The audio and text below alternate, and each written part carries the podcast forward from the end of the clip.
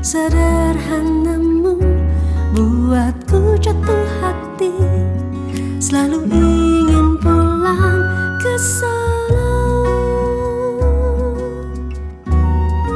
Kenalan dulu nih. Oke, kenalin aku Mustafid relawan dari Joli Jolan gitu. Panggilannya apa? Panggilannya Afid. Afid. Hai Afid, Yes. salam kenal. Halo, salam kenal balik. Oke, hari ini kalian lagi ada agenda apa nih hari ini? Hmm, hari ini paling kayak biasanya sih, ntar sore kayak bagi-bagi nasi bungkus, terus ada F&B juga di depan Joli Jolan nanti. Hmm, seru nih. Nasi bungkus dan F&B yang kalian sediakan di situ tuh gratis ya untuk untuk teman-teman atau gimana? Eh iya, di situ semuanya gratis. Kita bakalan donasiin buat emang orang-orang yang membutuhkan gitu. Siapakah yang memberi bantuan itu? Apakah murni dari Joli Jolan atau mengumpulkan fundraising gitu? Eh, lebih banyaknya sih eh, kayak ada orang yang donasi langsung nasi bungkus dalam bentuk nasi bungkus gitu langsung didonasiin ke Joli Jolan gitu dan nanti Joli Jolan em, apa namanya kayak donasiin lagi ke orang-orang yang membutuhkan gitu. Hmm, jadi itu jadi tempat ngumpulnya bantuan-bantuan gitu ya. Misalkan aku nih, aduh aku hari ini mau bikin nasi bungkus 10 gitu ya. Aku bisa langsung bawa ke Joli Jolan, terus nanti teman-teman Joli Jolan yang akan display itu terus uh, didatengin sama orang-orang. Iya gitu. Mas Afid, Kurang lebihnya. Uh, kalau untuk yang nasi bungkus, terus habis itu F&B yang ditaruh di depan Joli Jolan tuh biasanya yang ngambilin tuh siapa? Yang membutuhkan tuh siapa? Eh, biasanya sih kebanyakan kayak tukang becak, terus kayak tukang parkir juga, terus kayak emang ibu-ibu yang lewat di situ juga nanti ditawarin, terus kayak tukang susu juga kita tawarin gitu. Jadi kayak lebih banyaknya emang orang-orang yang nanti lewat di situ nanti kita tawarin gitu. Kalau mau silakan ambil, kalau nggak mau ya udah gitu. Jadi bukan dengan syarat-syarat kayak oh mesti kelihatan miskin nih atau kalau misalkan ternyata mereka orang punya dan mereka mau ngambil pun kalian nggak melarang atau gimana? Enggak, emang nggak ada larangan sama sekali. Kalau mau ngambil ya udah silahkan ngambil. Kita nggak mandang itu mau orang miskin atau orang apa gitu. Kita nggak mandang sih. Silahkan ambil kalau mau gitu sih prinsipnya. Biar hati nuraninya aja ya. Iya Ya, betul Kayak gitu kan, sekali. tergantung hati nuraninya aja. Kadang-kadang kita tuh gitu. sebenarnya nggak butuh tapi eh, ya mentalnya jadi kayak mental mental miskin karena merasa selalu kurang padahal orang Iya, lain yang betul, lebih betul. butuh tuh banyak ya kan. Banyak Oke. banget ya gitu.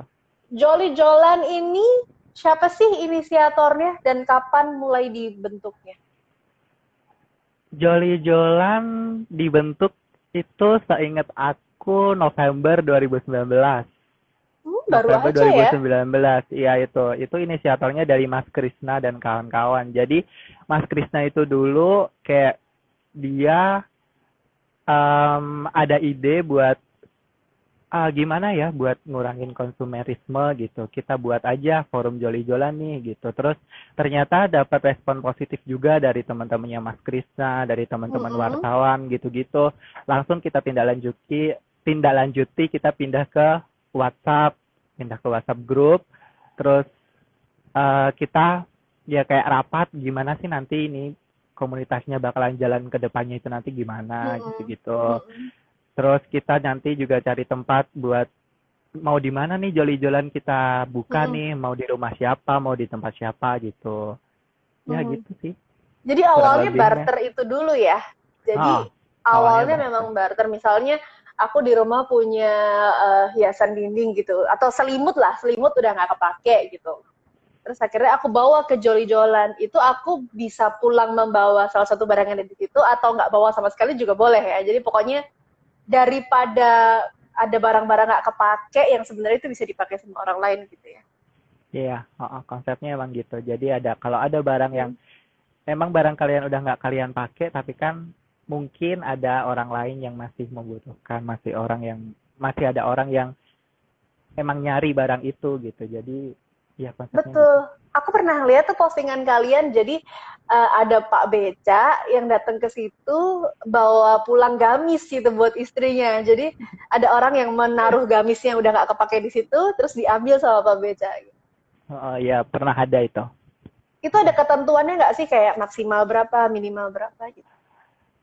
Kalau kita sementara eh, jadi kalau nuker bisa ambil tiga barang sih, maksimalnya tiga barang gitu. Hmm, tiga barang. Kalau kalau Mm-mm. kayak Pak Beca yang datang tidak membawa apa-apa gitu, Eh, nggak apa-apa sih kita buka juga silahkan mau diambil tapi ya maksimal tiga nanti kalau habis ambil itu nanti kita buatin kayak kartu anggota joli jolan gitu jadi ntar dia eh, bisa dianggap jadi anggota joli jolan terus nanti dia bisa balik dua minggu sekali gitu wow. di hari Sabtu dan Minggu Oke, alamatnya di mana nih? Teman-teman mungkin ada yang pengen tahu nih alamatnya di mana? Setiap hari Eh, Sabtu dan di Minggu bisa ke mana?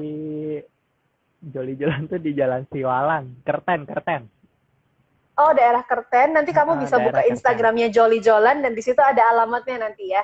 ada ya Bisa dilihat. Oke. Bicara soal pandemi ini, kayak tadi kan dengerin pengalamanku ya, aku berasa kayak orang mau dijarah gitu. Sampai beras itu tuh berceceran di dalam mobil karena mereka narik itu secara paksa dari dalam mobil sampai udah pecah semuanya. Nah, em, di masa pandemi ini banyak orang yang lagi pengen bantu-bantu juga kan, pasti kan. Apa Iya, sih yang betul. ditawarkan sama Jolly Jolan untuk teman-teman yang punya rezeki lebih dan pengen berbagi sama saudara-saudara kita yang lain? Kalau di Joli Jolan dari awal pandemi mulai, itu Joli Jolan udah buka, kita buka di, eh, di- sama sih di basecamp Joli Jolan juga, itu namanya Mm-mm. kita namain lumbung pangan. Oke. Jadi di situ eh, lumbung pangan itu kita nerima donasi, pokoknya berupa sembako lah gitu. Kayak beras, mie instan, telur, gitu-gitu, masker juga, susu buat anak, gitu-gitu. Nah nanti habis kalau kita udah dapat donasi itu, baru nanti kita distribusiin juga ke orang-orang yang emang membutuhkan gitu. Terus kalau Joli Jolan juga buka eh, ATM rekening baru buat apa namanya buat orang yang mungkin nggak bisa donasiin sembako dia misalnya mampunya eh, dia mau donasiin uang nah nanti uang itu kita tabung di rekening Joli Jolan nanti dan itu nanti juga dibeliin sembako bukan Dibelanjakan sembako Nah, ya. buat- iya gitu Jadi bantuannya memang selalu berbentuk barang kepada Mm-mm. orang lain juga ya. Nah, Gitu. Dari mana kalian tahu orang itu membutuhkan atau enggak? Kan kita sebagai donatur kadang-kadang kan, wah ntar jangan-jangan salah ini nih, salah sasaran nih bantuannya. Gitu. Kalau kita sih dari relawan sih, Kak. Jadi relawan-relawan itu kan rumahnya di daerah-daerah Solo nih. Nah, relawan-relawan itu nanti mungkin satu relawan bisa ngerekomendasiin jadi di desa dia ada berapa orang nih yang menurut dia kurang mampu gitu. Kan bisa dilihat tuh dari kehidupannya dia, bisa dilihat dari pendapatan dia gitu. Jadi per relawan emang rekomendasiin orang-orang yang menurut mereka kurang mampu gitu. Hmm. Terus eh, terus sasaran sasarannya juga sih emang joli-jolan sasarannya emang orang-orang yang mohon maaf tinggal di jalanan kayak ya kayak gitulah. Jadi emang orang-orang yang membutuhkan gitu. Oke, bicara soal relawan ya. Dari mana dapatnya relawan itu? Apakah kalian buka rekrutmen atau gimana? Eh relawan sih banyak yang datang. Emang dia datang ke Joli Jolan nih. Niatnya emang cuman dia mau barter barang mau ngan barter barang doang gitu. Eh ternyata ada juga yang tertarik buat jadi relawan gitu. Jadi kayak Hmm. bilang ke kita eh ah, kalian buka relawan nggak sih? Gitu. Kalian buka pengen ah, aku pengen jadi relawan nih. Bisa nggak Oh. sih hubunginya ke siapa? Gitu gitu jadinya emang ya orang itu tergerak buat jadi relawan sendiri gitu kebanyakan sih kak. Kebanyakan Tugasnya apa sih kalau relawan gitu, Afif? Eh, kebanyakan sih bantu di base camp Joli Jolan sih. Setiap satu minggu kita kita bersihin bersihin base camp kita kayak eh, selalu ganti yang ada di display gitu. Jadi kan kita buka display buat baju-baju gitu nah nanti per minggunya kita ganti kita bersihin Oh. camp terus kita nerima donasi kita nyortir donasi gitu-gitu mulia sekali.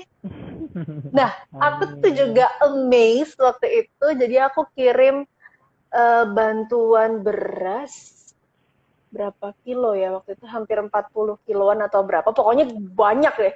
Dua karung kalau nggak salah dua karung. Waktu itu kan Jolly Jolan bilang, oke okay, kak nanti diambil sama relawan kita. Aku pikir bakalan uh, ngambil pakai mobil atau gimana. Ternyata yang ngambil naik motor dan ibu-ibu. Aku sampai, wow, tapi ibu-ibu itu kayak kuat banget kayak udah biasa. Itu relawan-relawannya emang nggak ada batasan umur. Siapa pun yang mau, pokoknya boleh gabung gitu. Iya sih, kita buka emang buat semua umur.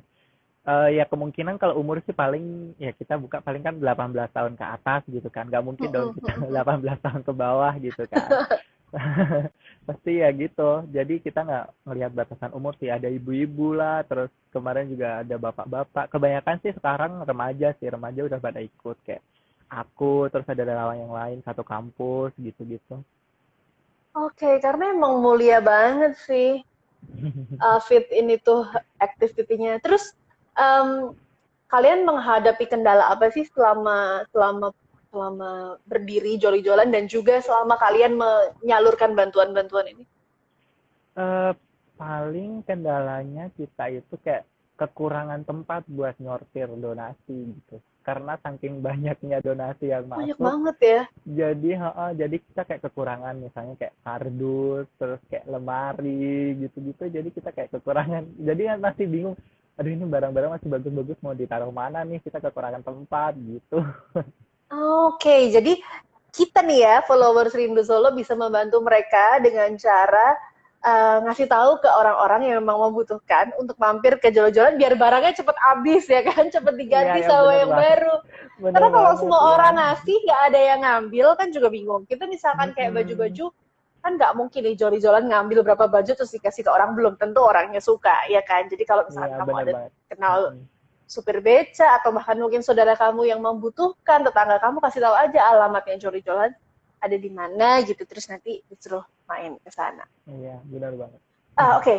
Mas uh, selama kalian bertugas ini bertugas Cile, um, barang apa sih sebenarnya yang paling dibutuhkan sama warga Solo yang kekurangan itu?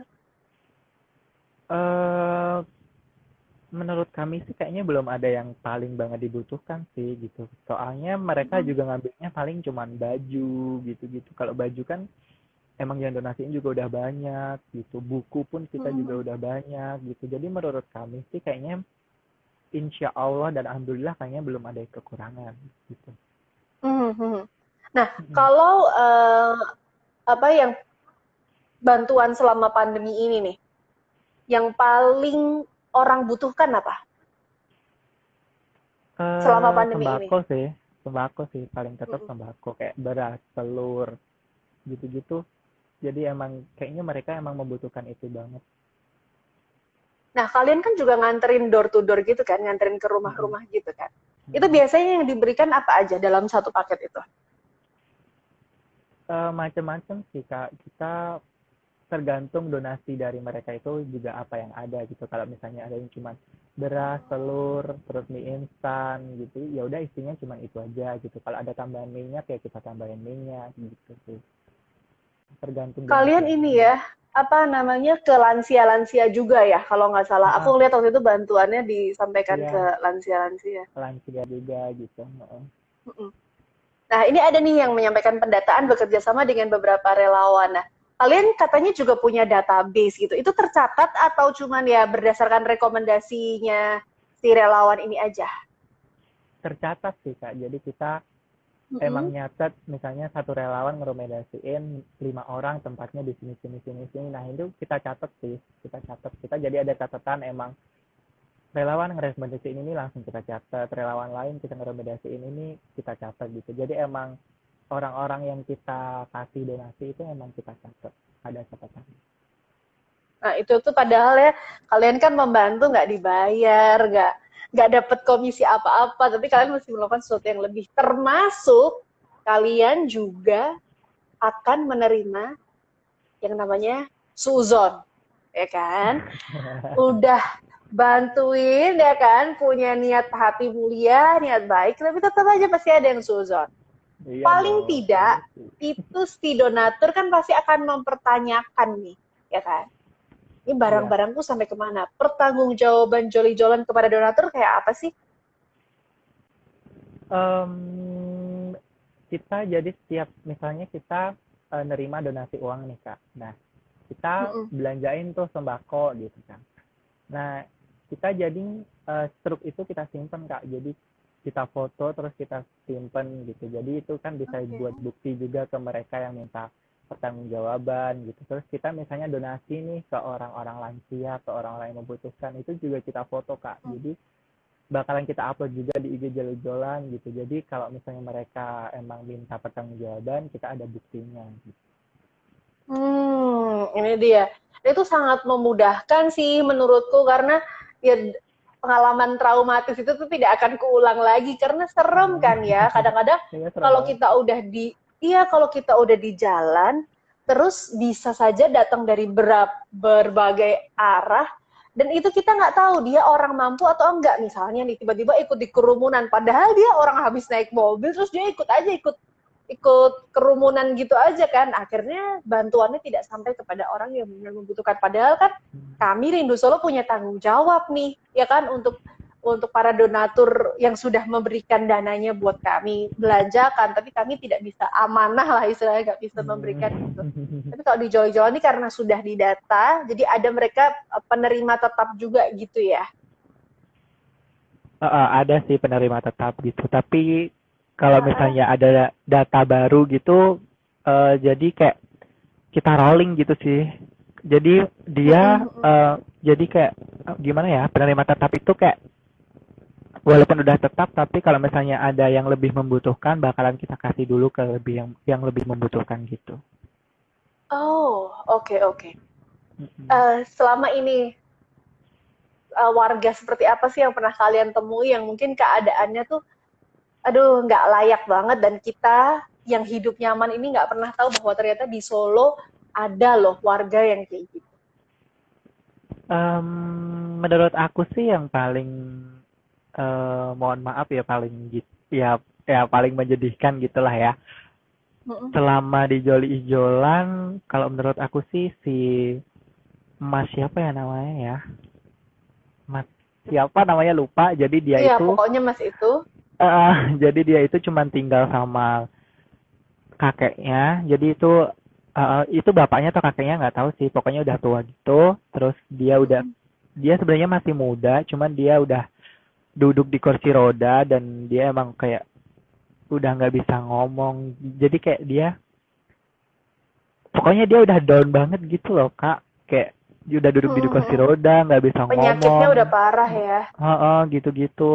Kasihan udah pakai pampers juga gitu. Untung aja Joli-Jolan kemarin ada pampers jadi kita donasiin ke dia juga. Oh, Mas Agus ya. Aku kemarin Ya, lihat Mas Agus, Oh, heeh, iya, bener bener-bener kan, Mas Agus. Aku Aku mah kemarin lihat postingan kalian. Jadi betul. popok untuk Mas Agus ya. Karena gini loh, betul. untuk makan aja itu bahasa Inggrisnya tuh rekoso ya kan. Apalagi Nah, buat bener. beli popok yang popok. sekali pakai kan itu kan nggak bisa di nggak bisa bener. dipakai lagi. Padahal popok tuh juga nggak murah. Bahkan popok sama mie instan aja tuh mahalan popok ya kan. Iya, benar. Jadi eh ya apa namanya apalagi dirawat oleh seorang yang sudah tua juga entah bapaknya entah juga. kakeknya itu Mm, mm, mm, udah tua oh lumpuh spasme katanya. Nah, kalau udah udah tua iya kalau udah tua gitu kan juga dia nggak bisa berusaha apa-apa gitu dan akhirnya dibantu sama Jojo. Jadi teman-teman yang punya eh, yang punya rezeki berlebih mungkin bisa dengan dua cara tadi. Yang pertama adalah mendonasikan uang. Nanti akan eh, di apa ya dilaporkan oleh Joli Jolan itu dibelikan apa saja gitu ya.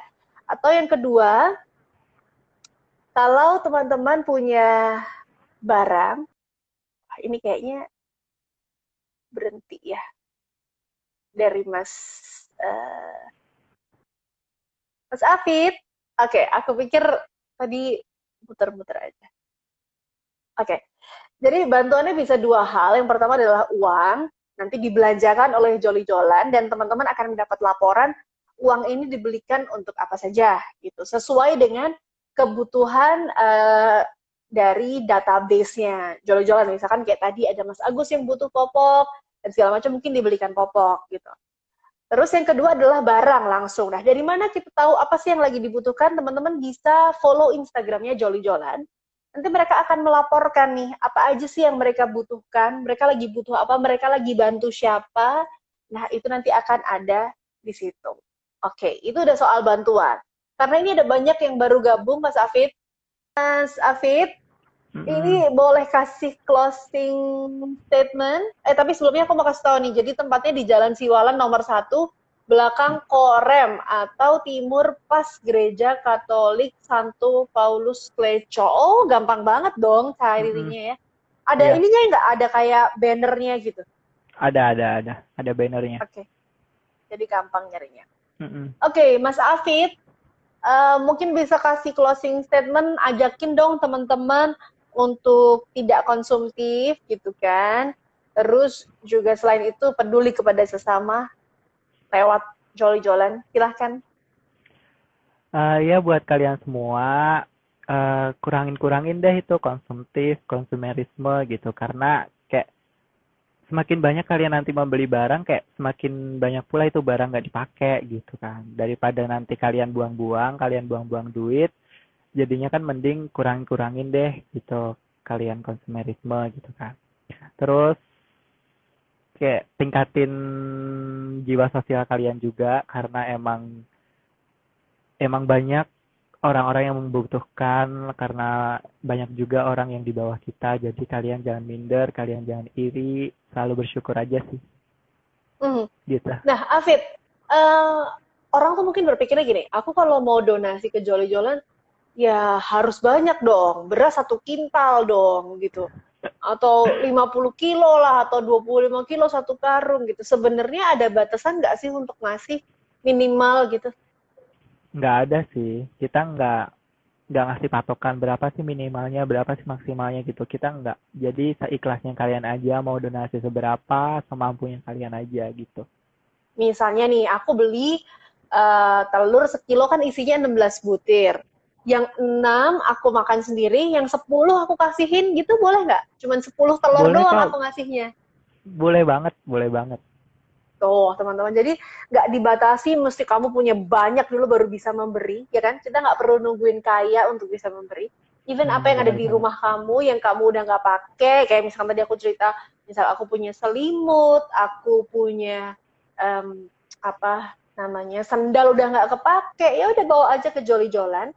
Nanti yang membutuhkan biar ngambil gitu kan. Misalkan ada Pak Beca yang dia biasa malam-malam tidur di becaknya nggak punya selimut eh ada selimut kamu yang di situ dia nggak perlu beli dia bisa bawa pulang itu kan betapa betapa bermanfaatnya hidup kita ya Mas Afif ya kalau kita bisa banget, kita iya. bisa memberi memberi hmm. uh, arti buat orang lain dan itu tadi nggak perlu kamu harus nungguin punya beras satu kintal dulu baru ngasih ya kan Benar.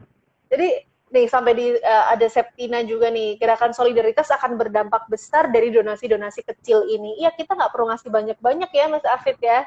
Oh, nggak usah. Atau misalkan kita punya beras gitu kan, ah aku mau ambil berapa mangkok buat aku kasih ke joli-jolan, tapi rutin dikasih nggak apa-apa, nggak rutin pun juga nggak apa-apa kalau misalkan pas lagi dapat bonus kantor ya kan, Iya,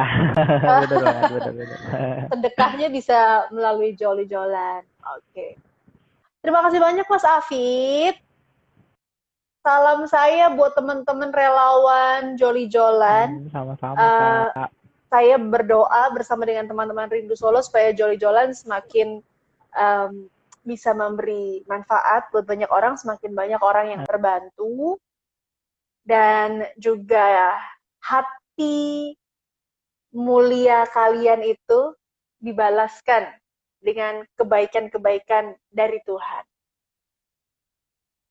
Amin. Nah, ini juga nih ada notes juga. Joli Jolan ini bukan gudang pembuangan barang yang kotor ya. Jadi tolong dibersihkan dulu. Iyalah, kalau misalkan aku mau kasih selimut, aku cuci dulu selimutnya dalam keadaan bersih karena kita kan uh, memang mau mendisplay. Jadi karena aku lihat sih Joli Jolan tuh emang di display, ditata, di rak-rak gitu. Ada ada gantungannya juga ya Mas Afid ya. Jadi kalau barang kamu kotor ya ih jelek dong. Kan itu barang kamu mesti wah tetap nampak seperti kamu lagi ada di toko gitu. Bahkan temanku sebenarnya orang punya juga cuman dia ngeliat ada sesuatu yang lucu di situ dan untuk mengurangi konsumerisme kan.